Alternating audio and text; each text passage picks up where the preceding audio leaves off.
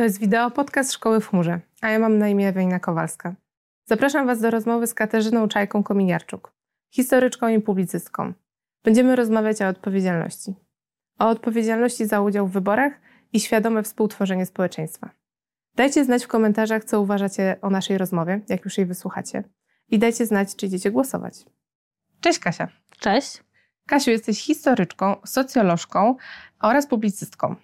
Bardzo dziękuję, że chciałaś przyjąć zaproszenie do naszego wideokastu, żeby porozmawiać o frekwencji.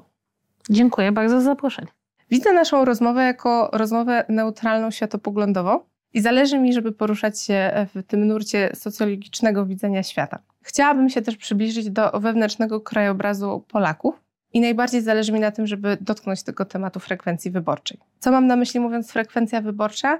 Mam na myśli e, to, żebyśmy dotknęły pewnego rodzaju przekonań, rzeczy, które budują w nas gotowość e, na to, żeby pójść i zagłosować, ale też, żeby pogadać o narzędziach i o różnych trendach, które się pojawiają. Chciałabym też wskazać kilka punktów podporu, na czym my możemy się oprzeć w sobie, na tyle, na ile będziemy w stanie, żeby pójść i zagłosować. I moje pierwsze pytanie do Ciebie jest takie: Gdyby Polska była uczennicą, to jaką notę byś jej wystawiła, jeśli chodzi o frekwencję?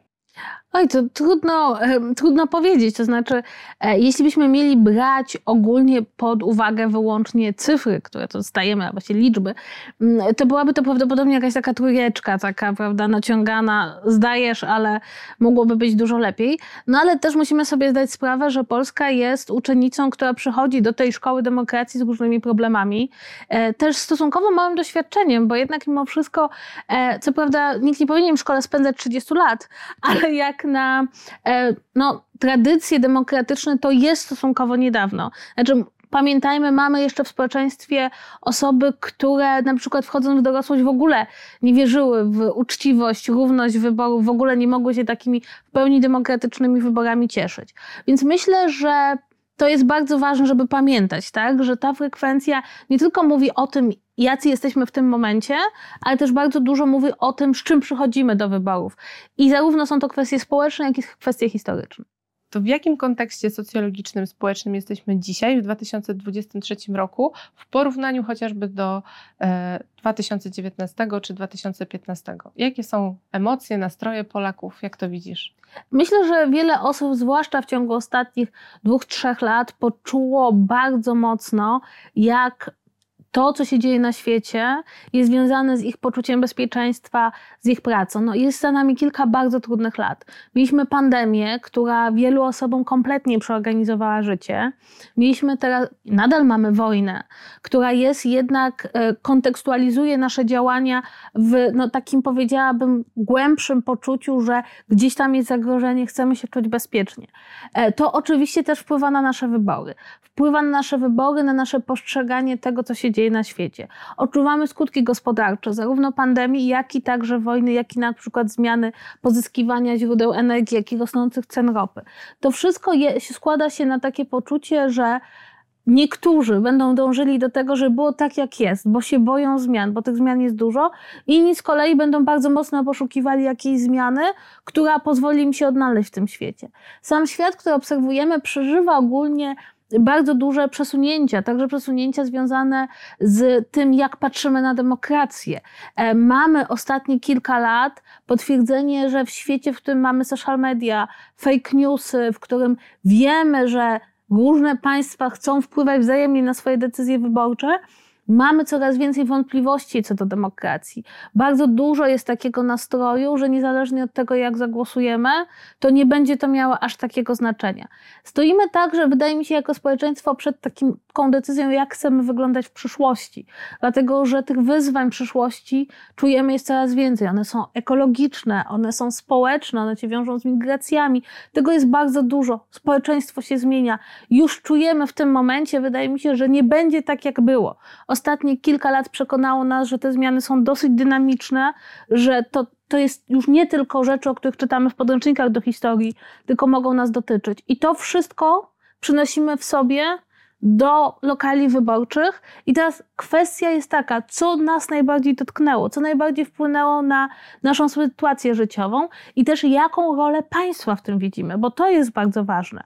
E, bo przecież zarówno w czasie pandemii, zarówno teraz, kiedy trwa wojna, zarówno w kontekście różnych zmian społecznych, gospodarczych, kluczową rzeczą jest tutaj państwo. Tak? My bardzo często myślimy o wyborach wyłącznie w, w politycznie. Tymczasem wybory dotyczą państwa, tego układu, te, tej umowy, w której jesteśmy. I jak my się widzimy, jak widzimy rolę państwa, czy chcemy tego państwa bardziej zaangażowanego, czy chcemy, żeby ono nas przeprowadziło, czy może uważamy, że jesteśmy na tyle mocni sami w sobie, że nie chcemy tego państwa, chcemy, żeby ono dało nam spokój, my sobie już poradzimy. Więc tych emocji jest bardzo dużo. Wydaje mi się, że dominującą jest chyba jednak mimo wszystko strach. Boimy się bardzo różnych rzeczy, ale wszyscy mamy trochę niepokoju w sobie, bo te ostatnie lata nam pokazały, że ta wizja, że będzie tylko coraz lepiej, no jednak mimo wszystko się nie sprawdza i może być lepiej. Oczywiście, zawsze może być lepiej, ale może być też gorzej. Właśnie tak Ciebie podpytuję, bo to jest dla mnie bardzo ciekawe, bo jak pamiętam wybory w 2019 roku, to tam miałam wrażenie, że było takie poczucie dobrostanu, że nam się zaczęło żyć lepiej, w jakimś takim ogólnym oczywiście yy, pojęciu. A teraz te emocje są zupełnie inne. No tak, oczywiście. Ja się absolutnie dziwię, że są zupełnie inne. Myślę, że sami byśmy siebie nie poznali z tego 2019 roku.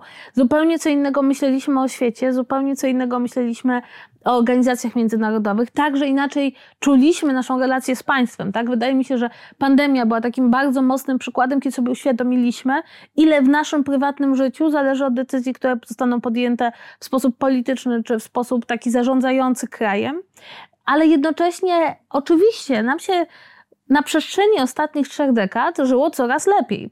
Polska jest jednym z krajów, które mają najwyższy, nieprzerwany wzrost gospodarczy w historii. Znaczy chyba tylko Australia była, równie szybko się rozwijała. Ale jest gdzieś stop, gdzieś zaczynamy wyhamowywać, to się musi wyhamować, to jakby tak to działa. No i teraz mówię, boimy się przyszłości, tak? Czy będzie nam coraz lepiej, a może jednak nie. E, wydaje mi się też, że w 2019 roku było takie poczucie, że no, właściwie to nie ma większego znaczenia, kto wygra. U bardzo wielu osób, tak? Że jakby damy sobie radę, tak? A jak sobie nie damy rady, to weźmiemy paszport i wyjedziemy. Ale teraz pytanie jest takie, gdzie pojedziemy, tak? Czy, czy opłaca się być w innym kraju? Bo to też jest tak, że e, zwłaszcza po Brexicie, tak, te elementy decyzji o wyjeździe się bardzo zmieniły. Więc mam takie poczucie, że trochę ludzi zaczęło sobie zdawać sprawę z tego, że tutaj trzeba coś zrobić, żeby mieć tutaj dobre życie.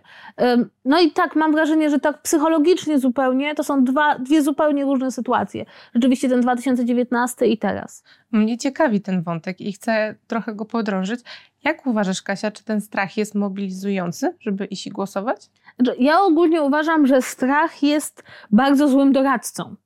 E, bo e, boimy się bardzo wielu rzeczy, które mamy w głowie, e, niekoniecznie rzeczy, które się wydarzą, tak? Strach podpowiada nam najczęściej najgorsze możliwe scenariusze. I tak oczywiście dla wielu osób ten strach będzie mobilizujący, tylko mobilizujący do oddania głosu, żeby nie wydarzyły się rzeczy, które oni sobie wyobrażają, że mogą się wydarzyć. Um, oczywiście wszyscy, jakby, kiedy spojrzymy na kampanie wyborcze, to zauważymy, ile w nich jest strachu wzbudzania tego strachu. Więc wiemy, że ludzie, którzy się bardzo boją, zrobią wszystko, żeby oddalić od siebie to, czego się boją, tak? No tutaj absolutnie doskonałym przykładem jest polityka imigracji, tak? Znaczy podsyca się w nas strach, tak? Zaraz tu będą, zaraz tu przyjdą, wszystko się zmieni. No i my się decydujemy na głosy w związku z tym strachem. A wiemy, że to tak nie do końca jest, tak? Że może być tak, jak na przykład teraz przyjechała do nas olbrzymia grupa osób z Ukrainy, prawda? W pewnym momencie w Warszawie było prawie milion osób więcej. Widział to ktoś na ulicach? Były jakieś zamieszki? Było niespokojnie? Baliśmy się czegoś? Nie. Okazało się, że w kraju może się pomieścić wiele osób. W związku z tym to świetnie pokazało, tak? Strach mówi nam jedno, pokazuje nam jedne obrazy, a tymczasem rzeczywistość może pójść w inną stronę. Więc tak, strach bywa mobilizujący, ale moim zdaniem jednak trzeba trzy głębokie wdechy, i spojrzeć na to jednak trochę bardziej na sucho, trochę bardziej na spokojnie, żeby nie skończyło się na tym, że robimy różne rzeczy tylko dlatego, że coś w naszej głowie mówi nam, że może się wydarzyć coś złego. Może się wydarzyć coś złego, ale nie musi. No, jakoś to jest dla mnie istotne, nie? Że, że tak jak opowiadasz o tym strachu, że możemy wtedy bać się i zagłosować przed czymś, czego się boimy, a co jest w naszej własnej głowie. I tak jak powiedziałaś, trzy głębokie wdechy, to ja rozumiem, że to też jest taka trochę instrukcja obsługi, zanim pójdziemy głosować, żeby opierać się na faktach, czyli jak jest naprawdę i co się wydarza, a nie, to, nie o tym, co jest w naszej głowie w ogóle.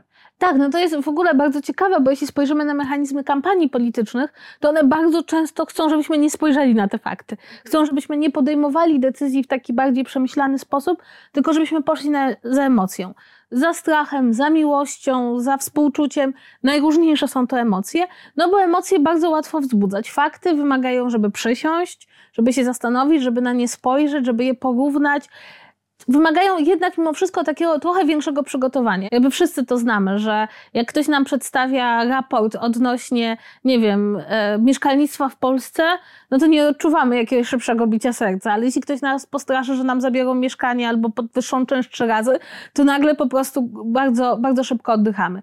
I ja uważam, że w ogóle to jest tak, że to nie jest kwestia tylko Polski, tak? ale ogólnie rzecz biorąc we współczesnym świecie, zwłaszcza przy takiej ilości możliwości wykorzystania mediów, wszyscy nas od tych faktów odciągają. Odciągają nas od takiego, mimo że mamy do tego dostęp jak nigdy wcześniej, odciągają nas od takiego spokojnego podejmowania decyzji.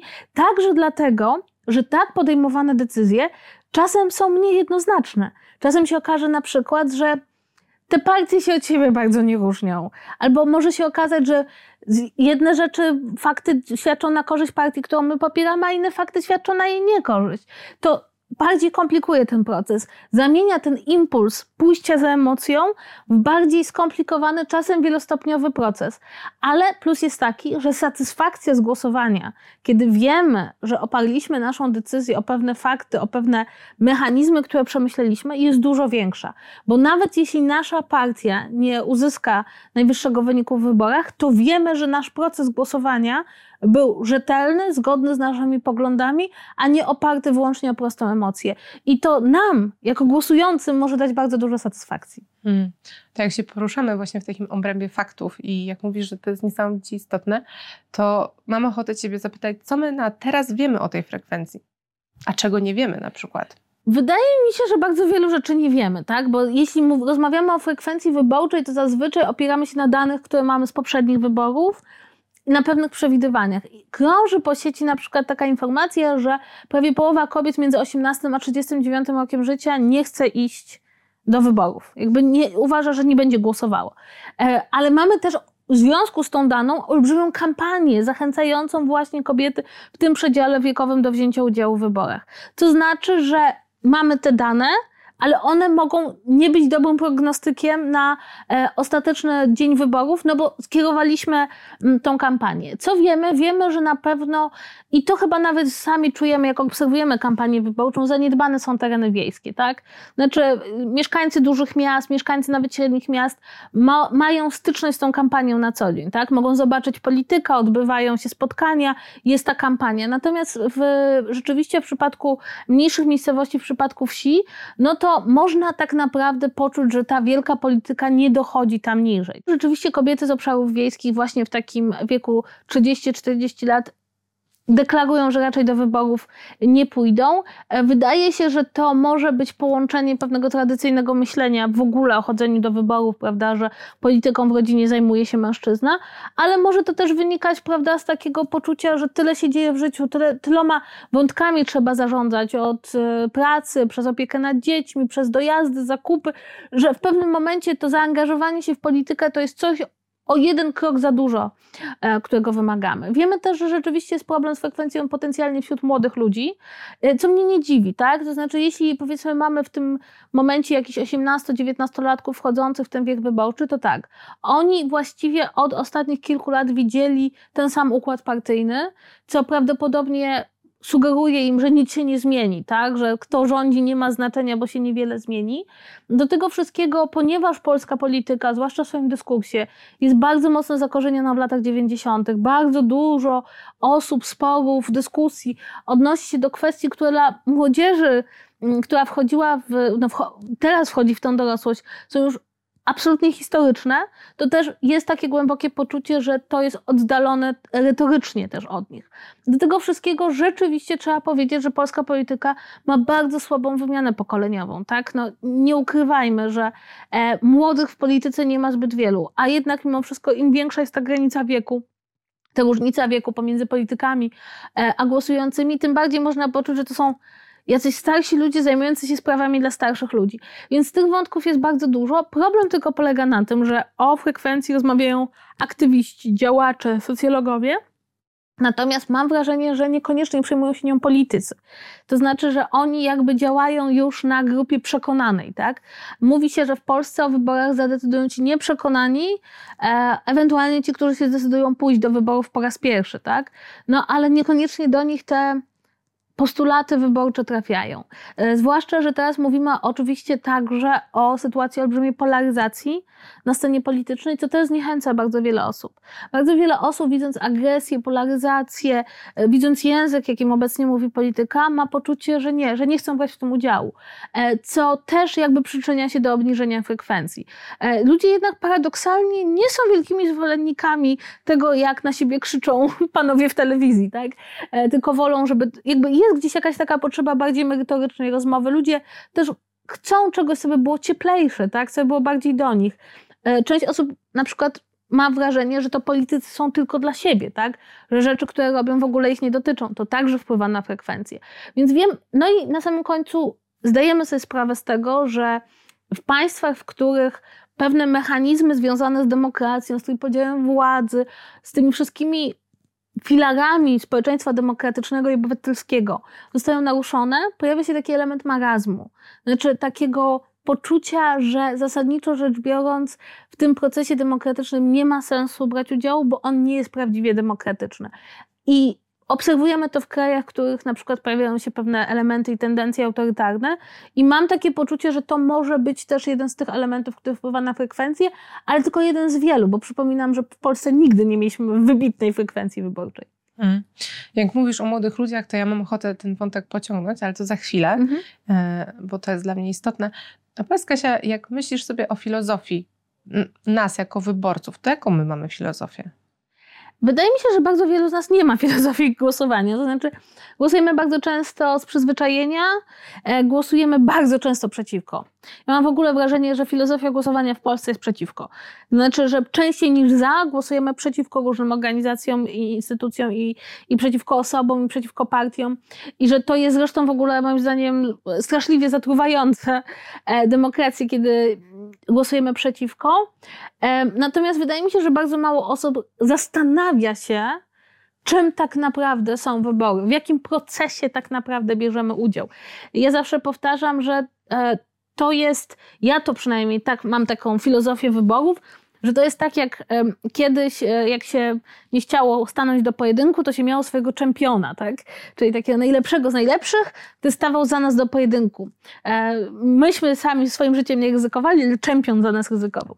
Ja właśnie widzę wybory jako wybieranie czempiona, tak? Nie możemy się wszyscy Polacy zebrać i rozmawiać o najważniejszych sprawach, bo jest nas za dużo. W związku z tym chcemy, żeby jakaś mała grupa od nich rozmawiała. I ja teraz, idąc na wybory, wybieram mojego czempiona.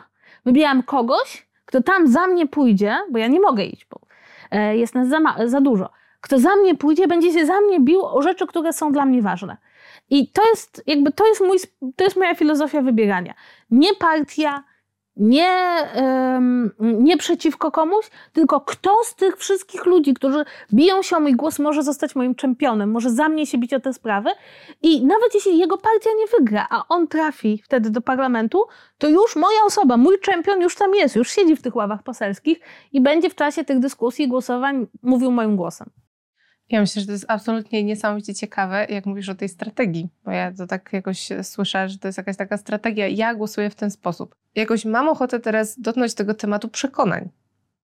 To jakie my mamy przekonania, z którymi ty się najczęściej spotykasz, które ty najczęściej słyszysz na temat w ogóle pójścia i oddania swojego głosu? E, najczęściej mam wrażenie, przekonanie, z którym się spotykam, jest takie, że polityka jest dla polityki. To znaczy, że politycy działają sobie w jakimś tam politycznym bagienku, oni się wszyscy znają, e, a my tutaj jak idioci oddajemy jakieś głosy, nam się wydaje, że to ma jakikolwiek wpływ na, na cokolwiek, a oni sobie są gdzieś tam. No oczywiście jakby e, ja bardzo lubię to zdanie, że to, że się nie interesujesz polityką, to nie znaczy, że polityka nie interesuje się tobą. I uważam, że to jest bardzo szkodliwe przekonanie, tak? że to są wszystko e, kombinatorzy i złodzieje, którzy nie mają z nami nic wspólnego. Jeśli politycy są kombinatorami i złodziejami, to dlatego, że takich wybraliśmy. Jak nie chcesz mieć kombinatorów i złodziei, to oddaj swój głos inaczej, albo oddaj swój głos na tych, których uważasz są uczciwi, praworządni i będą dobrze e, e, głosować w tych sprawach. Kolejna sprawa jest też taka, że w ogóle nie widzę dyskusji o głosowaniu, głosowaniu na kandydatów ludzie na przykład mówią głosowaniu na partię, tak? Że ja głosuję na tą partię, ja na tamtą. Ja mówię, nie, nie, nie, nie, nie, to tak nie jest. To jest tylko pierwszy krok. Wybierz kandydata. Ja na przykład e, będę, w, powinnam być w dniu wyborów w Łodzi ale specjalnie wrócę do Warszawy, bo moi kandydaci są w Warszawie. Ci, których wybrałam, ci, na których chcę oddać głos. I to przekonanie, że głosowanie polega na głosowaniu na partię, nieważne kogo tam na, tym, e, na tej karcie wyborczej zaznaczysz, jak na swoją partię to dobrze, no nie do końca, tak? to jednak ci konkretni ludzie tam będą. W związku z tym to jest kolejna rzecz. No trzecia chyba taki najbardziej mm, najbardziej popularna, to znaczy, że to się tak naprawdę nie liczy, tak? Że to tak naprawdę się nie liczy. I ja mam wrażenie przede wszystkim, że to jest bolesny sposób myślenia o nas samych jako obywatelach, tak? Bo musimy pamiętać, żyjemy w systemie, w którym my jako obywatele mamy pewne prawa i pewne obowiązki i państwo ma pewne prawa i obowiązki. I na co dzień, jak poruszamy się zgodnie z przepisami ruchu drogowego, płacimy podatki, posyłamy dzieci do szkoły, to państwo nam coś narzuca, tak? W ramach tej wielkiej umowy, jaką jest. E, I e, jeśli tego nie będziemy przestrzegać, to popełnimy przestępstwo, tak? E, jedynym sposobem, żeby wyrównać moc państwa, które nas kontroluje, jest korzystać z prawa do głosu. I teraz tak, jeśli my nie korzystamy z naszego prawa do głosu, to naruszamy równowagę. Państwo nie zrezygnuje ze swojego prawa egzekwowania od nas podatków czy obowiązku szkolnego, ale myśmy zrezygnowali ze swojego prawa wyboru władzy. Więc to też ja mam takie poczucie, że ludzie bardzo rzadko myślą o tym w takim kontekście nie ja a polityka, ale ja a państwo. I to mam takie poczucie, że kiedy zaczynamy o tym myśleć w kontekście ja a państwo, e, to widzimy, że absolutnie powinniśmy zagłosować, absolutnie powinniśmy skorzystać z naszego prawa, bo państwo się nie powstrzyma, a myśmy się powstrzymali, powstaje nierówność. Dopiero kiedy my korzystamy ze swoich praw i państwo korzysta ze swoich praw, jest jakaś równość i jakaś kontrola. Ja mam wrażenie, Kasia, że ty też podałaś teraz takie gotowe sposoby na to, jak z tymi przekonaniami, które nie służą, jak można na poziomie wiedzy i faktów e, przekonać się do tego i zmienić swoje przekonanie na to, ej, mój głos się liczy. No tak, bo wydaje mi się, że najważniejsza praca, którą musimy wykonać, jest w nas samych. Jakby mogą być różne akcje społeczne, fajne hasła, gorsze hasła, ale tak naprawdę praca tak naprawdę nad decyzją, czy pójdę do wyborów, to praca nad poczuciem, że się liczę jako jednostka w państwie, jako obywatel, no bo bycie obywatelem, ja w ogóle chciałabym powiedzieć, bycie obywatelem to jest fantastyczna sprawa. Na świecie jest bardzo wiele osób, które nie mają praw obywatelskich. Uważam, że nie zdajemy sobie sprawy, jaką tragedią jest nieposiadanie praw obywatelskich. Bycie osobą, która nie ma wpływu, bycie osobą, która nie ma paszportu, bycie osobą, która nie ma tego parasola państwa, którego jest obywatelem, którego broni. Naprawdę, mam wrażenie, że traktujemy prawa obywatelskie jako coś danego, jako coś takiego, a jakieś tam prawa mam. Nie, to jest po prostu gwarancja, że ktoś się nami jednak mimo wszystko opiekuje, ktoś się za nami wstawi. To jest fantastyczna rzecz bycie obywatelem. Hmm. To idźmy dalej w wątek, że tak powiem, bycia obywatelem. Jak ten najmłodszy, ale już pełnoletni obywatel ma wyszukiwać informacji? Z czego on ma czerpać te informacje o swoich kandydatach? E, akurat w przypadku tych wyborów jest o tyle łatwo, e, że mamy bardzo dużo tego typu stron, porównywarek, latarników wyborczych, które potrafią nam porównać e, sprawy dotyczące postaw kandydatów, no niemal do poziomu konkretnych postulatów, tak? Do postulatów dotyczących ekologii, zwierząt, edukacji, edukacji praw reprodukcyjnych. To można znaleźć w internecie. Poza tym, to jest kwestia zadania sobie samemu pytanie, Co jest dla mnie ważne? Jaki aspekt całego tego wielkiego spektrum postulatów politycznych jest dla mnie najważniejszy? Dla młodej osoby, powiedzmy, mogą być to kwestie związane z edukacją, podatkami, kupnem mieszkania. I teraz tak, wchodzimy na stronę partii politycznej, sprawdzamy dwie rzeczy. Po pierwsze, co mówi program tej partii. Jeśli partia nie ma programu, to powinniśmy się poważnie zastanowić, czy coś jest nie tak. Co mówi program tej partii w tym temacie? Potem sprawdzamy, kto w naszym okręgu, to jest bardzo proste, startuje z tej partii i sprawdzamy, jak ta osoba się wypowiada. A, a jak to sprawdzić, Kasia? W jakim to... jesteśmy okręgu wyborczym? E, Centralny Rejestr Wyborców. Mhm. Niesamowicie proste, logujemy się albo aplikacją, albo przez konto zaufane i Centralny Rejestr Wyborców, zresztą ka polecam każdemu przed wyborami sprawdzić, mówi nam, gdzie głosujemy, czy mamy aktywne prawo wyborcze, a także mówi nam, w jakim jesteśmy okręgu. Jak już znamy ten nasz okręg, sprawdzamy, kto z niego startuje. No i tutaj będziemy mieli całą listę kandydatów. I teraz tak, możemy sobie albo po kolei sprawdzić, albo możemy sobie wybrać tylko tych pierwszych kandydatów, jeśli jesteśmy troszkę bardziej leniwi. I sprawdzamy, co mówią, jak działają. Dzięki social mediom mamy dostęp praktycznie do wszystkich ich wypowiedzi, e, więc to jest taki, troszeczkę to nam może zająć czasu, ale nie aż tak dużo, bo w chwili, w której się zorientujemy, które partie najbardziej reprezentują nasz światopogląd, no to nie będą to wszystkie partie, tak? Tych liczących się jest tylko kilka tak naprawdę, więc możemy z tych kilku wybrać jedną czy dwie, usiąść sobie i na spokojnie sprawdzić, co jest w programie tej partii i też co, powiedzia- co powiedzieli konkretni kandydaci no i bardzo polecam te wszystkie latarniki wyborcze. E, Puls Biznesu taki robił, jest taki zawsze co roku latarnik wyborczy jeden, Okopres taki robiło. E, są też różne organizacje ekologiczne, czy na przykład takie, które zajmują się sprawami e, mniejszości seksualnych. Także robią takie porównania programów partii pod względem najważniejszych postulatów. Więc to trochę wymaga grzebania w internecie, ale mniej jakby jesteśmy absolutnie uprzywilejowanej sytuacji, tak? Możemy siedząc przy telefonie sprawdzić sobie mnóstwo rzeczy. Nie musimy już ufać wyłącznie ulotkom wyborczym czy wiedzom wyborczym, jak to było jeszcze kilkanaście czy kilkadziesiąt lat temu. Hmm. To ja tylko dodam, że te wszystkie rzeczy wrzucimy pod e, filmem e, i w opisie e, te linki, o których mówisz, żeby był do nich dostęp też. Super. I teraz sobie tak wyobrażam. Dobra, mamy latarnika, sprawdziliśmy naszego kandydata, budzimy się 15 października, to co dalej? Co nas czeka? E, ja zawsze uważam, że to powinniśmy przede wszystkim myśleć o wyborach jako atrakcji. Ja podchodzę do wyborów entuzjastycznie, no bo jest okazja do spacerku, trzeba się przespacerować do lokalu wyborczego.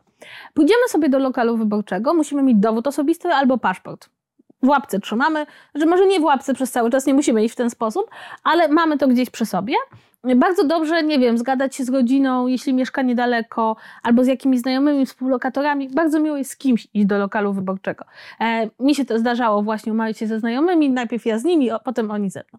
E, w lokalu wyborczym e, spotkamy się z komisją wyborczą oczywiście. E, musimy, zwykle są napisane jaki adres gdzie, więc szukamy uważnie naszego adresu.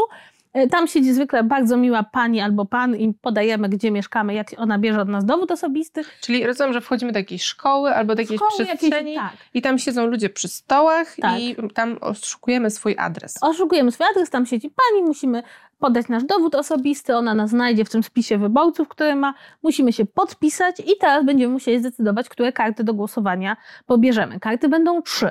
Będzie głosowanie do Sejmu, do Senatu i referendum.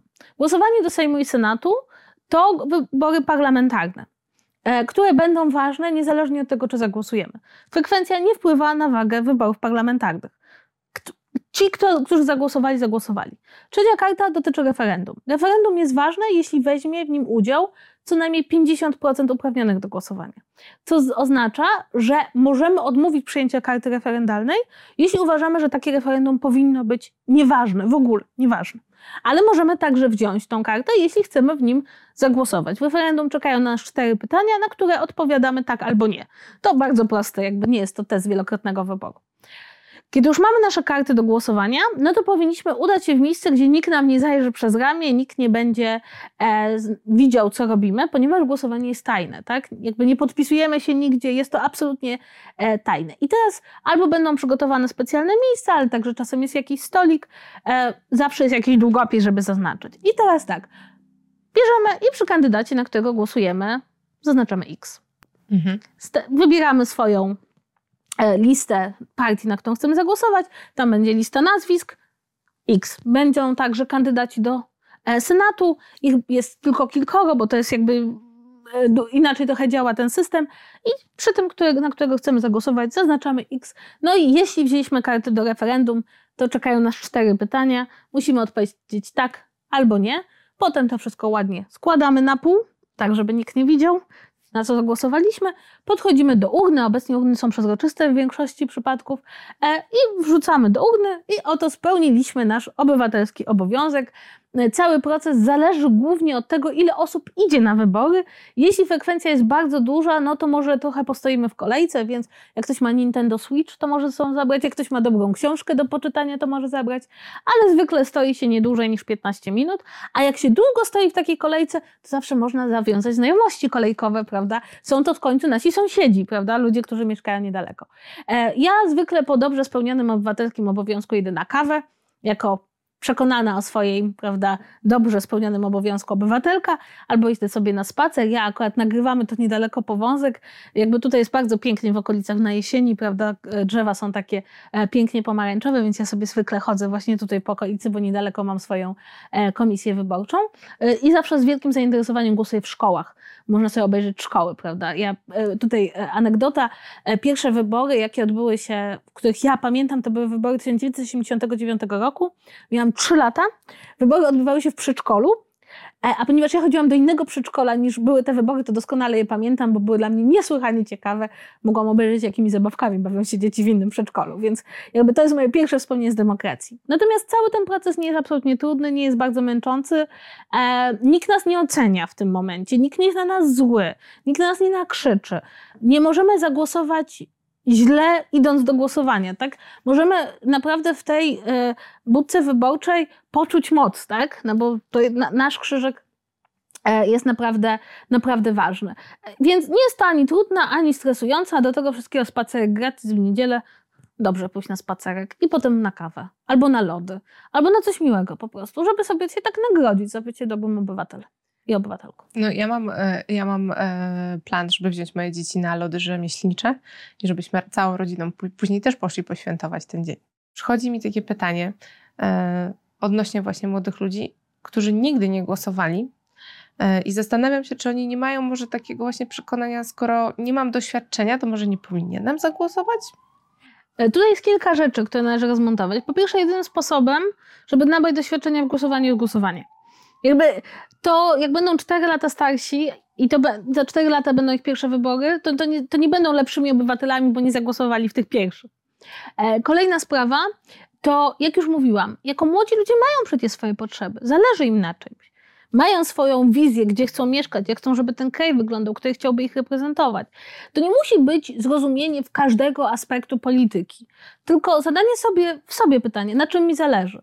I to niezależnie od wieku mamy takie wartości. Komuś zależy na wolności, komuś na równości, komuś na dobrym dostępie do opieki zdrowotnej, komuś na tym, żeby była równość małżeńska. Aspektów jest dużo, ale każdy z nas siebie przecież osobiście zna, wie na czym mu zależy. E, wychodzimy przecież, będąc młodymi ludźmi, z instytucji całkowicie nadzorowanej przez państwo niemalże, jaką jest szkoła, tak? Nie podoba się nam to? No to być może chcemy lepszej szkoły, tak? Mamy to na świeżo. To jest niesamowite. Kiedy kończymy 18 lat, nagle państwo zaczyna się z nami liczyć. I mówi nam, masz swoje potrzeby, masz swoje wartości, na czymś ci zależy, może zagłosować. Więc wydaje mi się, że bardzo wiele młodych osób ma taki lęk, że jeśli nie śledziło kwestii związanych z polityką, jeśli nie oglądało wiadomości, e, to jakby nie ma prawa zagłosować, ma za małe doświadczenie. Ale po pierwsze, ma już jakieś doświadczenia, po drugie ma jakieś wartości, jakieś potrzeby. E, jeśli ktoś się czuje bardzo jakby nieprzygotowany, to może sobie po prostu usiąść, przeczytać hasło o parlamencie w Wikipedii, e, może sobie usiąść, przeczytać e, chociażby jak wyglądają wybory w Polsce. Te dane są dostępne. Natomiast, żeby było jasne, to nie jest tak i to też warto młodym ludziom powiedzieć. To nie jest tak, że z wiekiem każdy wyborca, który jest od nich starszy, podjął tą decyzję racjonalnie, nieemocjonalnie, bazując na olbrzymiej ilości wiedzy.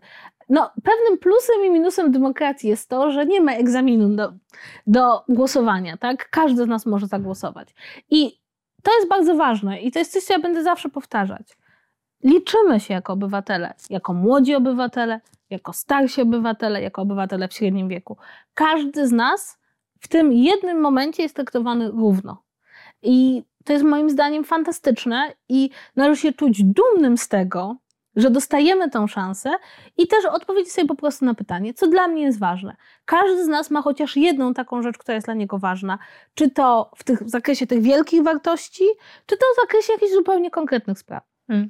Ja kiedyś słyszałam takie zdanie, ono mi się bardzo podobało, że na przykład złap to, co cię boli i nie zostawiaj tego do swojego prywatnego przeżywania, ale uczyń z tego publiczne. Czyli złap się tego, co jest dla Ciebie ważne i uczyń to właśnie publicznym, chociażby oddając swój głos na tego kandydata, który Cię przybliży do tego jakiegoś rozwiązania. Tak, no też pamiętajmy, jako młodzi ludzie, to Wy będziecie żyli najdłużej w tym kraju. No niewątpliwie, tak działa biologia. Więc jeśli chcecie mieć kraj, który będzie Wam pasował, w którym się będziecie dobrze czuli, w którym będziecie chcieli zostać, no to czas się zabrać do pracy od młodości, z każdymi wyborami, starać się zbudować kraj, w którym jak już będziecie starsi, mogli powiedzieć, tak, to był mój kraj, dobrze się w nim czułem, czułam, e, pomagałem go budować. Mam Cię pytanie odnośnie e, różnych rzeczy, które się teraz pojawiają e, w internecie i można sobie poczytać o turystyce wyborczej. E, czyli o tym, że mm, być może warto jest przemieścić się i pojechać do na przykład innej miejscowości albo poza obręb Warszawy, żeby oddać tam swój głos. I chciałam Ciebie zapytać, co Ty o tym myślisz, bo jakoś ważne jest dla mnie, żeby roztłumaczyć ten trend, który się teraz pojawia. To wynika z tego, że e, Internet ma skłonność do upraszczania rzeczy, które są bardzo skomplikowane. Innymi słowy, ktoś, no jakby kilka nawet osób wrzuciło do internetu taką informację, że no tak naprawdę przeliczając ile głosów musi uzyskać um, osoba, żeby dostać ten mandat, no to w Warszawie musi ich uzyskać więcej niż w mniejszej miejscowości, co jest taką próbą wyrównania tego, żeby duże miasta nie rządziły całym krajem, tak? E, może nam się to nie podobać czy nie, ale jednak mimo wszystko to nie może być tak, że tylko największe ośrodki miejskie, gdzie jest bardzo dużo osób, mają e, większą siłę, bo to destabilizuje kraj. W każdym razie, być może turystyka wyborcza miałaby sens, gdyby była to zorganizowana duża akcja, skoordynowana na całą Polskę przez nie wiem kogo, bo to musiałoby być chyba przez partie polityczne organizowane, gdybyśmy ją uprawiali, mając już informacje o tym, jak zagłosują wszyscy inni. Problem polega na tym, że nie mamy takiej informacji. Co oznacza, że możemy wyjechać z Warszawy, czy z Krakowa, czy gdzieś na Podkarpaciu, przekonani, że nasz głos będzie miał gdzie indziej większą wartość. Ale tego naszego głosu może zabraknąć naszemu kandydatowi tam na miejscu, tak? Bo na przykład może by ten jeden mandat jednak przeszedł z jednego ugrupowania na drugi, tak? Ale nie przeszedł, dlatego że ten wyborca pojechał gdzie indziej, gdzie mu się wydawało, że jego głos ma większe znaczenie. Ja osobiście uważam też, że bardzo ważne jest, myślenie o wyborach, jak już mówiłam, w kontekście kandydatów. Turystyka wyborcza zakłada, że kandydaci nie mają żadnego znaczenia. Ma znaczenie tylko głosowanie na partię. Tymczasem, na przykład ja, gdzie bym nie była w Polsce, zagłosowałabym na tą samą partię. Ale w Warszawie są moi kandydaci. Ci, których ja wybrałam, ci, którym ufam, ci, którym uważam, że będą mnie dobrze reprezentować. Więc ja osobiście jestem wielką przeciwniczką turystyki wyborczej. Uważam, że jest to niebezpieczny trend, bo nie jesteśmy w stanie przewidzieć, jak to wpłynie, a jednocześnie mam też jakieś takie, no może to jest moje wewnętrzne poczucie, ale wizja, że mieszkańcy dużych miast mają jechać do mniejszych, żeby przegłosować mieszkańców tych mniejszych miast, nie jestem do końca przekonana, czy to jest moja wizja współżycia społecznego, tak? To znaczy, jakby tak mieszkamy w dużym mieście, czerpiemy olbrzymie profity z tego, być może czasem ponosimy tego koszty tak? Natomiast osoba z mniejszej miejscowości, mieszka w mniejszej miejscowości, ma inne spojrzenie i też na nie zasługuje. Nie może być tak, że mieszkańcy dużych miast będą narzucać wizję kraju mieszkańcom małych miast. Przynajmniej ja to tak widzę, tak? I uważam, że, i uważam, że ogólnie rzecz biorąc, turystyka wyborcza jest dużym ryzykiem i najlepiej wybrać kandydatów, w których wierzymy i głosować na nich tam, gdzie, e, gdzie ich znaleźliśmy i, a najlepiej w ogóle głosować tam, gdzie mieszkamy. To nie jest przypadek, że te, mamy te komisje wyznaczone niedaleko miejsc, w których mieszkamy. Mm. Mam teraz do Ciebie pytanie odnośnie sondaży wyborczych. Jakim e, narzędziem są sondaże wyborcze według Ciebie? Kapryśnym. Znaczy, problem polega z sondażami wyborczymi, e, że one potrafią być że one powinny oddawać rzeczywistość, a tymczasem coraz częściej ją kierują. Tak? Mieliśmy na samym początku kampanii wyborczej sondaż, który dawał jednemu ugrupowaniu kilkanaście procent poparcia ku zaskoczeniu wszystkich, co sprawiło, że przez kolejne kilka tygodni kampania wyborcza była nastawiona na to ugrupowanie, tak? z postulatami i z, posłami, z kandydatami tego ugrupowania wszyscy chcieli rozmawiać.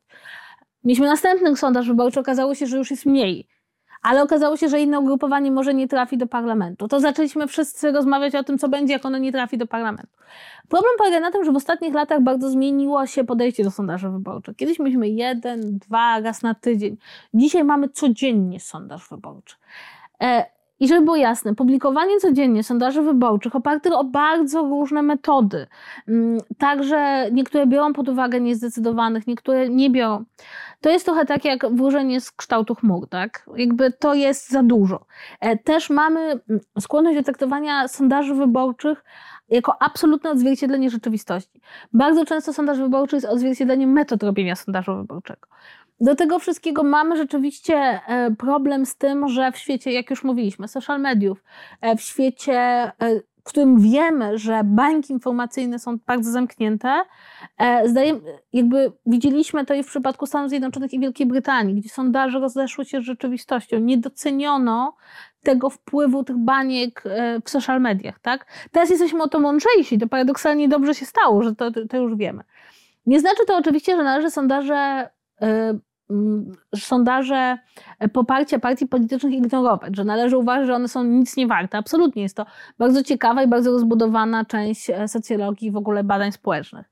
Ale wciąż trzeba pamiętać, że sondaże są wykorzystywane w walce politycznej. Mamy w Polsce pracownie badań, które no są na przykład powiązane z władzą. Taka władza to jest konkretne ugrupowanie polityczne. To jest zawsze pytanie, kto zapłacił za dany sondaż. E, więc to są bardzo wiele rzeczy, które są tutaj do wzięcia pod uwagę. Gdybyśmy mieli tak naprawdę mówić, jak traktować sondaże, to nie jako punkty, ale jako zapis trendów, tak? Więc czytać, ale tak, z zastrzeżeniem, bardzo polecam wchodzić w metodologię badań, bo to w tej metodologii siedzi cała prawda o takim sondażu. Ja przede wszystkim nie pozwolić sobie traktowania sondaży jako ostatecznej prawdy, tak? Dlatego, że sondaż potrafi działać mobilizująco i demobilizująco. Potrafi, po sondażu może się coś zmienić. Więc to też jest tak, że jak widzimy na przykład, że ugrupowanie, na które chcieliśmy głosować, nie przechodzi przez próg, to nie myślmy sobie, a no dobra, to już na nich nie głosuję, nie przejdą przez próg, raczej pomyśleć, nie, sekundeczkę, dobrze, mam tą daną, to muszę na nich zagłosować, tak? Bo może wtedy przejdą przez próg. Więc jakby mam wrażenie, że to kochamy sondaże, bo kochamy mieć jakieś cyferki do rozmawiania i social media kochają sondaże. Po prostu jak jest sondaż i się pojawi na Twitterze, znaczy na X teraz, to po prostu przez pół dnia wszyscy go traktują jakby to była już absolutna rzeczywistość i następnego dnia pojawia się zupełnie inny sondaż i, i kolejna rzecz, więc emocje są wielkie. Do sondaży z pewnym dystansem to nie jest tak, że ktoś nas chce specjalnie okłamać, tylko jest to w tym momencie tak często wykorzystywane niedoskonałe narzędzie. Mm. Dzięki Kasia, że to tak roztłumaczysz, bo to jest ważne. W sensie, jak patrzeć na te sondaże, bo ja się często spotykam z takim spostrzeżeniem, że a, oni właśnie nie wejdą, na przykład a, albo tu jest za duża różnica, no nie? E, więc myślę, że to jest dość istotne. Kasia, domykając naszą rozmowę, mam do Ciebie takie ostatnie pytanie, trochę podsumowujące też e, wszystkie rzeczy, które tutaj sobie nazywałyśmy. E, jakbyś miała wybrać trzy takie rzeczy, do których mocniej ci bije serduchów, na których ty się opierasz, albo twoi bliscy w kontekście pójścia do wyborów, żeby była jasność, ja też mam trzy takie rzeczy i chętnie się nimi podzielę. Jak chcesz, mogę nawet zacząć pierwsza. To może ty zacznij, żebyśmy się nie powtarzały, żebym ci niczego nie ukradła. To na pewno taką rzeczą, która mnie wspiera w, w pójściu do, wybo do wyborów, to jest taka myśl o tym, że ja nie muszę kochać tego kandydata. To, to jest bardzo dla mnie jakoś uwalniające. E, wiem na pewno, do jakiego światopoglądu jest mi bliżej niż dalej. E, I tą trzecią rzeczą to właśnie mam to, że to, co, żeby złapać to, co mnie boli, albo to, na czym mi zależy i uczynić z tego właśnie tą wartość publiczną. To, to, te trzy rzeczy mi bardzo dobrze robią. E, no więc co na mnie jakby dobrze robi, to pierwsze, że jestem ważna jakby być może najważniejsza, tak? W całym tym procesie demokratycznym to ja jako wyborca jestem ważna. Nieważne ile mam lat, jeśli mam prawo wyborcze e, czynne, nieważne jak jestem płci, nieważne co wyznaję, jestem ważna. Druga rzecz, no to właśnie też zgadzam się z Tobą, że każdy z nas ma jakieś rzeczy, w które wierzy mocniej niż w inne, jakieś wartości, które są nam bliskie i możliwość wyrażenia tych wartości w tym procesie demokratycznym też jest bardzo ważne i podniosła wręcz, tak? Jakby możliwość powiedzenia, tak, to jest coś, w co ja wierzę. I trzecia rzecz, i tutaj e, ja jestem ogólnie bardzo, bardzo patriotką i wierzę w budowanie kraju, w którym się żyje. Wierzę, że wszyscy, którzy tu mieszkamy, możemy ten kraj budować, możemy go czynić lepszym. E, I mam takie poczucie, jak idę do wyborów, które to wybory stały się w Polsce faktem za mojego życia. Mam 37 lat i dopiero jestem, jestem dokładnie tym pokoleniem, kto, za, za, którego życia to było możliwe. Mam takie poczucie, ok, idę do wyborów, buduję ten kraj, w którym mieszkam, daję dowód na to, że demokracja jest systemem, który w tym kraju może działać i robię rzeczy, o których nie śniło się ludziom, którzy żyli przez kilkadziesiąt lat przede mną. E, robię rzeczy, do których nie miały prawa kobiety przez bardzo wiele lat. I to mnie jakoś tak niesamowicie wzmacnia, że nieważne, mi kandydat nie musi wygrać, tak? Ja już wygrałam, bo głosuję. I też taka ostatnia rzecz, cztery mam rzeczy, tak? Bardzo często myślimy o wyborach jako o takiej grze wygrać, przegrać, tak? Ale ja chyba nigdy nie zagłosowałam na partię, która wygrała wybory. Ale moi kandydaci często trafiali do parlamentu. I jeśli twój kandydat trafia do parlamentu, to brawo, wygrałeś wybory. Dla siebie. To nie musi być zawsze tak, że twoja partia musi te wybory wygrać, żeby twój głos został zrealizowany w ramach demokracji w taki sposób, jaki chcesz. Jak twój, twój kandydat jest w parlamencie, to proszę, wystawiłeś swojego czempiona, brawo, wygrałeś wybory. No i ja mam ochotę zakończyć to tym czempionem, Kasia. E, bardzo Ci dziękuję za rozmowę. Mam wrażenie, że dotknęłyśmy dużo ważnych wątków, e, które jakoś tak trochę roztłumaczyłaś, nawet bardzo. E, i dla mnie to też jest istotne, że pogadałyśmy o tych przekonaniach, bo mam wrażenie, że 16 października świat już będzie inny i obudzimy się w innym świecie. Ja mam takie poczucie, że też nie stawiajmy tego na ostrzu noża, a większość, wiele z nas może się obudzić w tym samym świecie. E, natomiast jeśli zrobimy wszystko tak, jak czujemy, że powinniśmy, na pewno 16 października możemy się obudzić z czystym sumieniem. Że zrobiliśmy wszystko, co mogliśmy, żeby to wyglądało tak, jak chcemy. A to jest bardzo ważne, bo jesteśmy odpowiedzialni nie tylko przed historią, nie tylko przed państwem, ale też przed samymi sobą i przed tym, co zrobiliśmy, żeby było tak, jak chcemy, żeby było. To z tym akcentem sprawstwa bardzo dziękuję za rozmowę i za to, że przyjęłaś zaproszenie do naszego wideo podcastu. Dzięki, Dziękuję Kasia. bardzo.